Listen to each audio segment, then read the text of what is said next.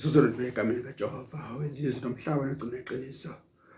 Makube kini umusa nokuthula kuvela kuNkulunkulu Baba nasenkosini yethu Jesu Kristu. Amen. Amen. MaBhayibheli ethu namhlanje siwavula incwadi yabaseRoma. Sahluko seshumi elinantathu. baseRoma isahluko seshumi elinantathu.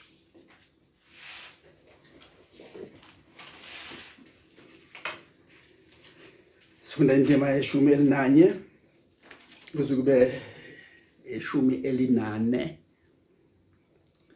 Romans 13 from verse 11 to 14. Romans 11 Romans 13 verse 11 to 14. Yenzani lokhu njengokuba nazi isikhathi ukuthi sekuyihora lokuba nivuke ebuthongweni. Ngoba manje insindiso isisondele kithi kunaleso sikhathi esaqala ukukholwa ngaso. Ubusuku sebuyaphela imini isisondele. Ngakho ke asilahle imisebenzi yokumnyama. Sihlome izikhali zonke zokukhanya. Asihambe ngokufanele njenga semini. Kungabi ngokuminza nokudakwa. Kungabi ngobufebe namanyala. Kungabi ngokuxabana nomhawu. Kodwa imbathani inkosi uJesu Kristu. Ninganakekeli inyama kuvuswe izinkanuko baba izwi lakho leli nangalesikhathi sisinikela kuwena kuba usebenze ngalo ugcwalise inhliziyo zethu ngokuhle. Izwi lakho alisigeze lisigezisise susa onke amabala asemqondweni yethu enhlizweni zethu. Sembathise inkazimulo yakho. Sibusiseke sahlele emakhaya. Usilungiselele inkosi okuhle. Siyabonga ukuthi uzoba nathi egameni lika Christ inkosi. Amen. Amen. Ngiyanibingelela ke bazalwane. Nonke emakhaya egameni lika Christ inkosi. Ngithanda ukuba sibheke lamazwi esiqeda ukubafunda kulesahluko seshumi elinantathu Romans 13 Uma ubheka uqala kwesahluko umpostoli uphakamisa amandla ombuso. Ukuthi njengamaKristu singazikhohlisi kube sengathi singaphezulu komthetho wombuso. Usitshela umpostoli ukuthi umbuso uyisimiso sikaNkuluNkulu. Yakho amandla ombuso afanele ukuthotshelwa ngoba akho makhosi akho babusi abakhona ngentando yabo kodwa bonke bakhona ngenxa kaNkuluNkulu. Phakathi nendawo usitshela ngendlela yokuhlalisana njengabazalwane ukuthi sifanele ukuthandana njengabantwana bakaNkuluNkulu. Sifanele ukubheka ukuthi singabi ngabantu abahlala ngokuhlwebhana abantu abahlala ngokulwa nenzondo kodwa umemezela kithi umthetho wothando. Umephetha ke lesahluko umpostoli usitshela isizathu sokuba sikwenze konke lokho kungenhla uthi sesifike emaphethelweni.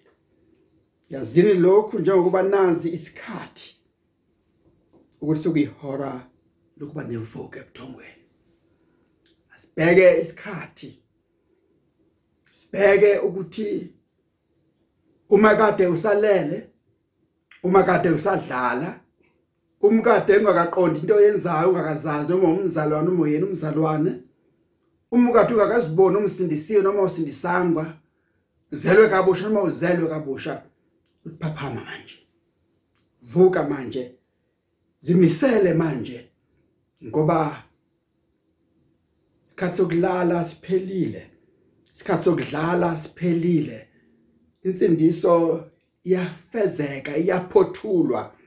Isikhathi sokuba sivuke. Yazini lokhu?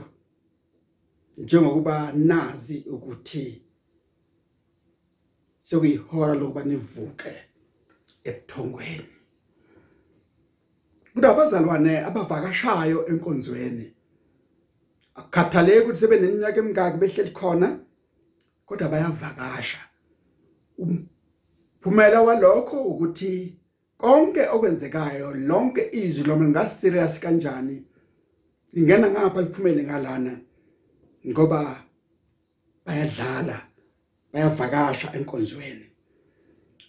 Uthi ke umpostoli akuphele lokho anqamuke lokho asazi ukuthi sokuyisikhathi sokuphaphama isikhathi sokuvuka ebuthongweni ngoba isiphetho sensindiso ngokuba manje insindiso isisondele. Ufuna ukuthini manje isisondele? Ufuna ukuthi kanti ibingekho na? Ibingakafiki na? Cha uthi sisondele uba iphethwe lembenge iphothulwe ihlanganiswe. uJesu sendleleni lezobheka abasindisiweyo nabangasindiswanga abakholwayo nabangakholwa abazelwe kabusha nabangazelwe kabusha. Insindiso isisondele buya kaJesu sokusondele kunesikhathi esaqala ngaso. Isikhathi esaqala ngaso mhlambe sasiphelezela abangani bethu mhlambe sasihamba nabantu esihamba nabo. Kodwa manje sokuyisikhathi sokuba uvuke ebuthongweni isho njalo encwadini abase verse 5 Ephesians chapter 5 verse 14 ungafunda from verse 11 to 14 uthi isikhathi sokuvuka phaphama wena olele. Vuka wena obunganakile. Ubusuku sebuyaphela imini isisondele. Kunezinto ezenziwa ebusuku. Kunezinto abantu abaziyekayo emini. Kuthi ngomnyama ubabone sebemi ngamathunzi obumnyama. Babone sebemi ngezigxobo. Babe babone sebesithela befihla ubuso ngoba benza izinto abangafisi ukuzibonwa bezenza emini.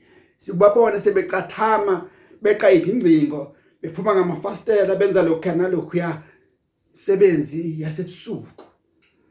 Ngisho nabathakathi bagijima ebusuku bayenza imisebenzi yabo ebusuku.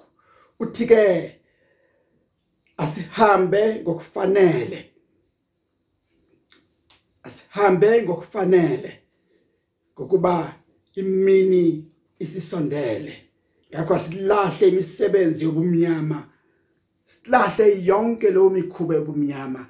Asilahle ngisho nazo zembatho zobumnyama ezigqokwa ebusuku obumnyameni kodwa basihambe njengasemini sihlome izikhali zonke zokukhanya. Asibe ngabantwana bokukhanya singabi ngabantwana bobumnyama.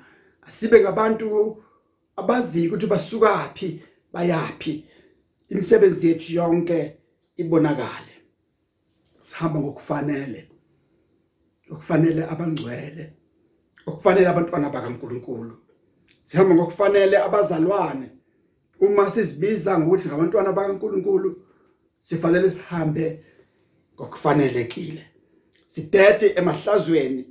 Wabalileka amahlazo lana ku verse 13 wawabala onke ukuthi asingahambi ngokuminza.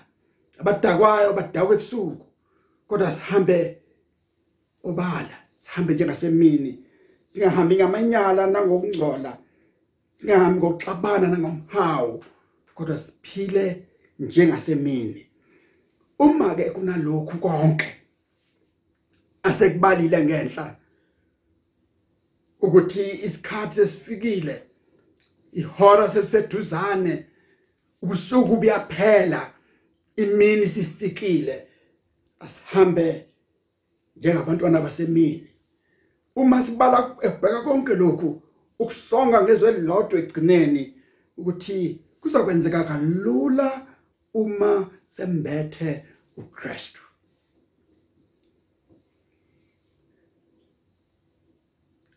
Ezindaweni eziningi umpostoli ukhuluma ngokwamkela inkosi Jesu. Kwamkela inkosi uJesu. Ngokumvuma uJesu. Kodwa lana ukhuluma kithi ngokumembatha. Imbathani inkosi uJesu. sengathi umfanisa nengubo noma yilema noma okunjalo okudonsa amaqede bese ukumbatha kufihle ihlazo lakho. Ufihle amanyala akho. Kufihle ubunqunu bakho. Kufihle konke ukungcola kwakho. Embatha inkosi uJesu.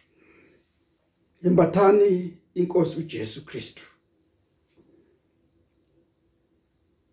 Embathani inkosi uJesu Kristu.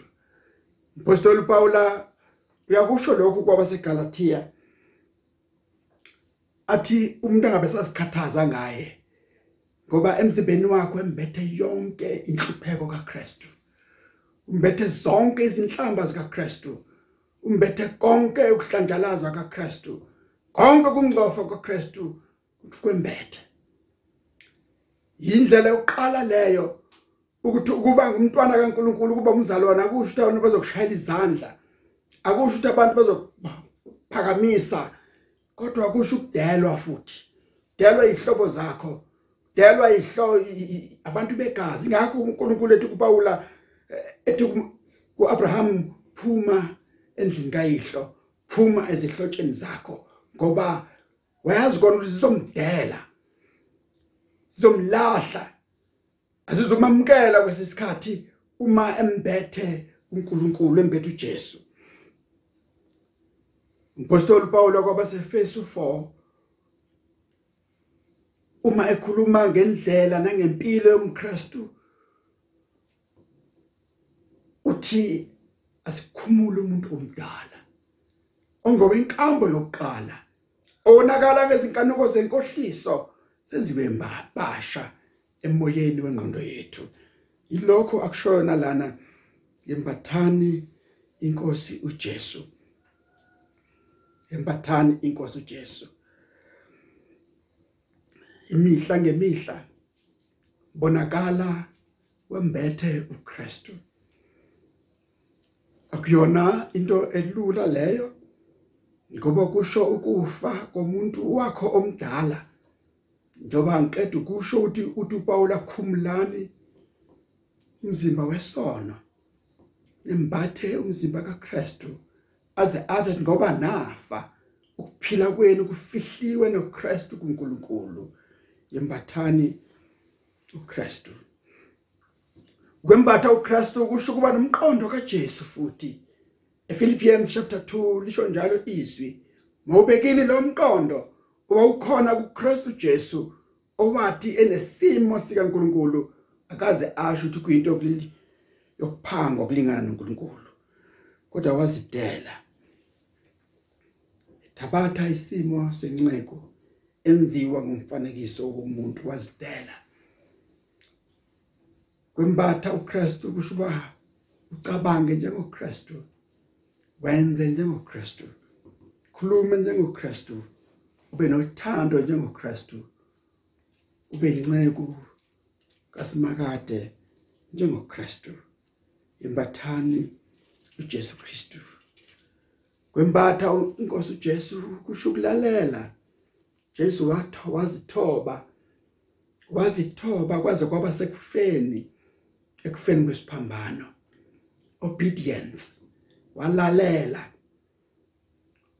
Mawembethe uKristu uyikholwa elingalaleli uyikholwa elingezwa uyumzalwane ohamba ngenkani yakhe odlubulundelayo. Ufanele ukuzibheka. Ukuthi ngempela ngempela intando kaNkuluNkulu iyaphila yini kuwena? Jesu Kristu uyinkosi yini empilweni yakho? Yembathani inkosi yembatha inkosi. Sengishilo ngathi kubiza kwesisikhathi ukuthuka nokudelelwa nokuhlanjalazwa. Kodwa futhi kubiza the glorious side.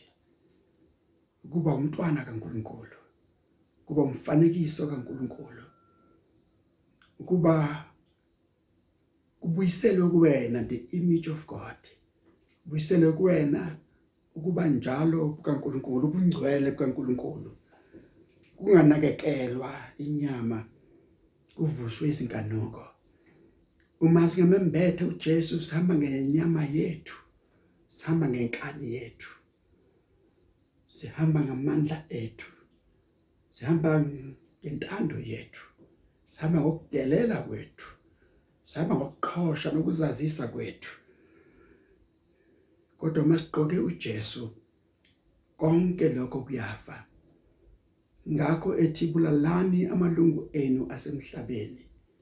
Bulalani imvelo yenu kuze kuvele izithelo zikamoya. Kuvele okuhle nokuthandekayo kuNkulunkulu. Sibe ngabantwana bemini. Why kufanele sibe ngabantwana bemini? Ngoba uKristu uyilanga lokulunga ukukhanya sho njalo yena wathi ukukhanya lapha ekhona kukhona ukukhanya ukukhanya kubonakala empilweni yakhe. Nathi kuzobona ukukhanya empilweni yethu makukhanye ukukhanya kwenu phambi kwabantu. Manibe isipani esikhanyisela bonke abasemnyameni. Nabantu bazi ukuthi nihambisa kwaKristu futhi ke vele nimqokile uJesu nimembethe uJesu. Nihamba kuye Colossians chapter 2 verse 6 and 7 and 8 uma nimamkele uKristu Jesu hambani nikuye igxilile ize nivame nokubonga nivame nokuphakamisa amandla kaNkulunkulu. Embathani inkosi Jesu. Lelo lizwi namhlanje na uNkulunkulu afisa ukulibeka enhlizweni yakho. Gqoka uJesu wena. Usugqoka ulaka lwakho. Usugqoka inkani yakho. Usugqoka ukuzazisa kwakho. Usugqoka ukuzethemba kwakho. Kodwa gqoka uJesu. Kanakekelwe inyama kuze kuvuke izinkanuko ukuthi angibuze egcineni ukuthi wena mzalwane wembetheni abantu mebebona wena mophumela kubona ngaphandle babonani? Bayambona uJesu na? Iyiphi lengubo oyigqokile? Isiphi lesembatho osembethe? Noma ke bengaba isiphi? Kodwa bengizokululeka ukuthi khumula umuntu omdala khumula umzimba wesono. Khumula imvelo yakho. Khumula konke okunjalo. Bese ugqoka uJesu. Kanakekelwa inyama kuvuswe izinkanuko inkosi inibusise baba siyabonga izwi lakho. Emvelo yethu singabantwana bolaka. Emvelo yethu singabantu bokulahlwa. Emvelo yethu sinenkani. Sifuzile futhi kuma genes ethu uma DNA ethu ayafakaza ukuthi sinjalo.